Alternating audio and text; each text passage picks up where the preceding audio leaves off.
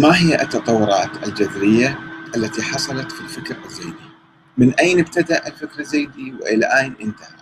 وهل أصبح الفكر الزيدي إماميا؟ وما هو الفرق بينه وبين الإمامية؟ وما هو موقفه من النظام الجمهوري الديمقراطي الذي يساوي بين الناس ولا يحصر الحق في الحكم في سلالة أو فئة من الناس سواء كانت ذرية رسول الله على رأسنا أو كان يعني آه، عائلة أخرى تأتي وتحكم. تمثل الفرقة الزيدية في القرون الأولى امتدادا رئيسيا للحركة الشيعية في مقابل الشيعة الإمامية والغلاة والمتطرفين اللي كانوا يسموهم الرافضة. الإمام زيد سموهم. فهي كانت تحمل مشعل الثورة على الأمويين بقيادة الإمام زيد بن علي الذي قاد حركة ثورية على الحاكم الأموي هشام بن عبد الملك سنة 122 في الكوفة واستشهد خلالها وضمت الفرقة الزيدية عدة تيارات. ولكنها عموما كانت تتسم بالاعتدال في مقابل التطرف. فقد ورثت الشيعي الثقافة الشيعية الأولى التي كانت تؤمن بالشورى في القرن الأول الهجري. وبالرغم من أنها التفت حول الإمام زيد الذي دعا إلى الرضا من آل محمد إلا أنها كانت تنظر باحترام إلى تجربة الشورى في السقيفة. وتبجل الشيخين أبا بكر وعمر ولم تكن تفرق بين الصحابة وأهل البيت ولم تكن تقول أن أبو بكر اغتصب الخلافة مثلا. سنستعرض نظرياتهم المختلفة وقد تحدثنا عنها أو عن بعضها في الحلقات السابقة. وكأي حركة ثورية أو فكرية أو سياسية فإنها مرت عبر التاريخ بمراحل متعددة ومختلفة من التطور والتدهور أيضا. وأصيبت ما أصيبت به مختلف الفرق والحركات الإسلامية. ولا سيما عندما انتقلت من مرحلة الثورة والمعارضة السياسية إلى مرحلة الحكم حيث تخلت عن شعاراتها الأولى وراحت تتصرف حسب منطق السلطة. كأي حركة عندما تكون بالمعارضة عندها شعارات وعندما تصبح سلطة يكون منطقها منطق آخر منطق الحكم. ومع أنها حافظت على اسمها أنها حركة زيدية إلا أنها فقدت مضمونها ولكنها ظلت أيضا محافظة على بعض ملامحها العامة فقد برز الإمام زيد بن علي كزعيم يؤمن بالشورى كنظام للحكم في الإسلام وأن الإمامة تستحق بالمبادرة والكفاءة. وكان يقول لأخيه محمد الباقر ليس الإمام منا من جلس في بيته وأرخى ستره وثبط عن الجهاد ولكن الإمام منا من منع حوزته وجاهد في سبيل الله حق جهاده ودفع عن رعيته وذب عن حريمه.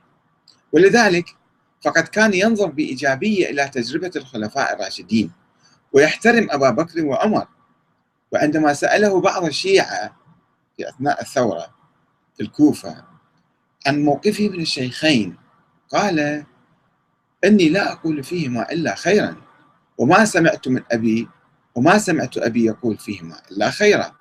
وإنما خرجت على بني أمية الذين قاتلوا جدي الحسين وأغاروا على المدينة يوم الحرة ثم رموا بيت الله بحجر المنجنيق والنار. كما يقول البغدادي في الفرق بين الفرق صفحة 25 إذا وطبعا هذا القول معروف عنه مشهور في مختلف المصادر.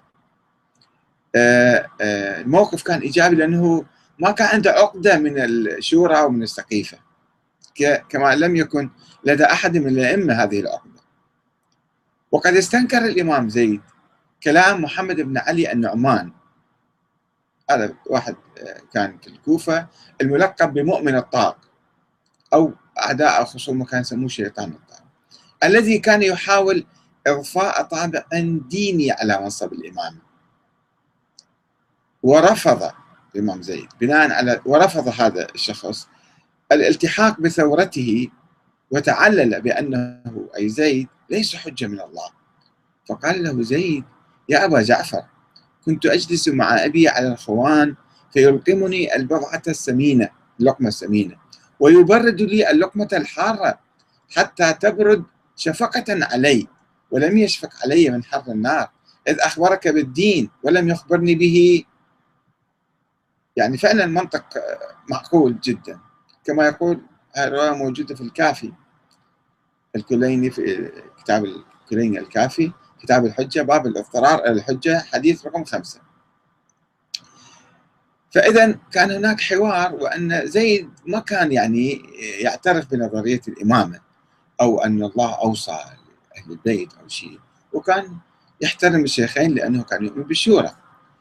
آه، أعلن الإمام زيد الثورة ضد الخليفة الأموي هشام بن عبد الملك قائلا إن أرحام رسول الله أولى بالملك والأمرة من هؤلاء. ودعا إلى نصرة أهل البيت بصورة عامة وقال إنا ندعوكم إلى كتاب الله وسنة نبيه وجهاد الظالمين والدفع عن المستضعفين وإعطاء المحرومين وقسم هذا الفيء بين أهله سواء بالسوية ورد المظالم وإقفال المجمر ونصرنا أهل البيت على من نصب لنا وجهل حقنا. يعني كانت هناك مواجهة الذي كان يقود المعارضة تلك الأيام هم أهل البيت. فقال تعالوا تفوا حولنا وهم كانوا قدوة يعني كانوا ناس يعني زاهدين في السلطة كانوا ناس يعني آه، متخلقين بأخلاق الإسلام في مقابل انحرافات الحكام. ولم يكن الإمام زيد وحيدا في أهل البيت في موقفه المعتدل هذا وإنما كان يقف إلى جانبه عدد من شيوخ أهل البيت ككبير الطالبين الحسن بن الحسن بن علي الذي رفض تفسير حديث الغدير بالنص على الإمامة والخلافة. وأقسم قائلا يعني في حوار مع أحد اللي يسموهم الرافضة قال ماذا تقول في حديث الغدير؟ فأقسم قال والله لم يعني رسول الله بذلك الإمامة والسلطان. ولو أراد ذلك لأفصح لهم بذلك. كما أفصح لهم بالصلاة والزكاة وصيام رمضان وحج البيت. وقال لهم أيها الناس إن هذا ولي أمركم ولي أمركم بعدي فاسمعوا له وأطيعوا. ولو ما قال النبي هالشيء هذا. ولو كان الأمر كما تقولون إن الله ورسوله اختار عليا لهذا الأمر والقيام على الناس بعده إن كان علي لأعظم الناس في ذلك خطيئة وجرما أن ترك أمر رسول الله. صلى الله عليه وسلم أن يقوم فيه كما أمره أو يعذر فيه إلى الناس. فلماذا بايع الإمام علي؟ الخلفاء الثلاثة. إذا كان النبي موصيله وقال له أنت خليفة على الناس فلماذا يستسلم ولماذا لا يلتزم هو بهذه الوصية ويبايع الآخرين؟ والتأويلات اللي يجيبوها أنه مكره ومضطر آه، يعني آه، خدمة حفاظا على الأمة الإسلامية كلها تأويلات هذه. تأويلات لأنه آه، ما عندهم جواب عليها حقيقي. وتبعه عبد الله بن الحسن في تأكيد هذا الموقف المعتدل فقال ليس لنا في هذا الأمر ما ليس لغيرنا وليس في أحد من أهل البيت إمام مفترض الطاعة من الله وكان ينفي إمامة أمير المؤمنين أنها من الله. يعني إمام إمام صحيح بس مو الله معينه مو النبي عينه إمام على الناس. ما في عندنا إحنا حق خاص أن نحكم الناس. لاحظوا الفكر الشورى يعني الأمة هي صاحبة الحق باختيار الإمام. والله لم يعين أحدا والنبي لم يعين أحدا على الناس.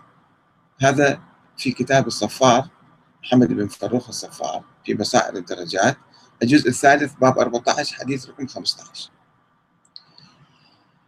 هذا الكتاب من القرن الثالث الهجري ومنتهى ما كان يقول الشيعة في القرن الأول والثاني الهجريين آه، هو أولوية الإمام علي بالخلافة وأن عليا كان أولى الناس بعد رسول الله لفضله وسابقته وعلمه وهو أفضل الناس كلهم بعده وأشجعهم وأورعهم وأزلهم.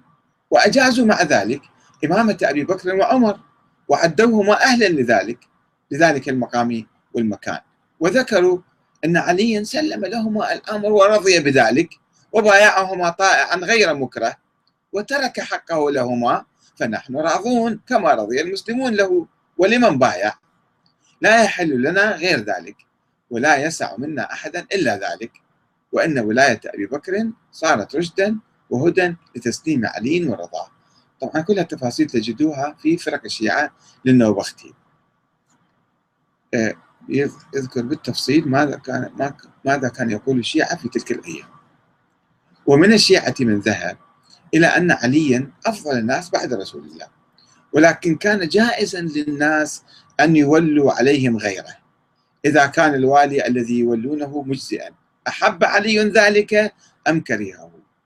بحق حق الأمة. فولاية الوالي الذي ولوا على أنفسهم برضا منهم رشد وهدى وطاعة لله. وطاعته واجبة من الله عز وجل. هذا أيضا في فرق الشيعة النبختي والمقالات من فرق لسعد بن عبد الله الأشعري القمي. اثنينهم كانوا في أواخر القرن الثالث الهجري ويتحدثون بالتفصيل عن مقالات الشيعة المقالات والفرق. ويتحدث المؤرخون عن ثلاث فرق رئيسية من الزيدية. كلها تتبنى نظرية الشورى بشكل أو بآخر. وعلى رأسها الفرقة البترية والجارودية والسليمانية.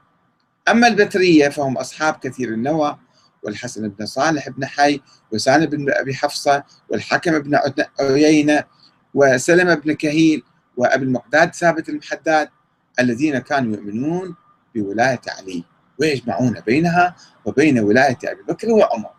ما كان في مشكلة ذيك الأيام بين الشيعة وبين غيرهم.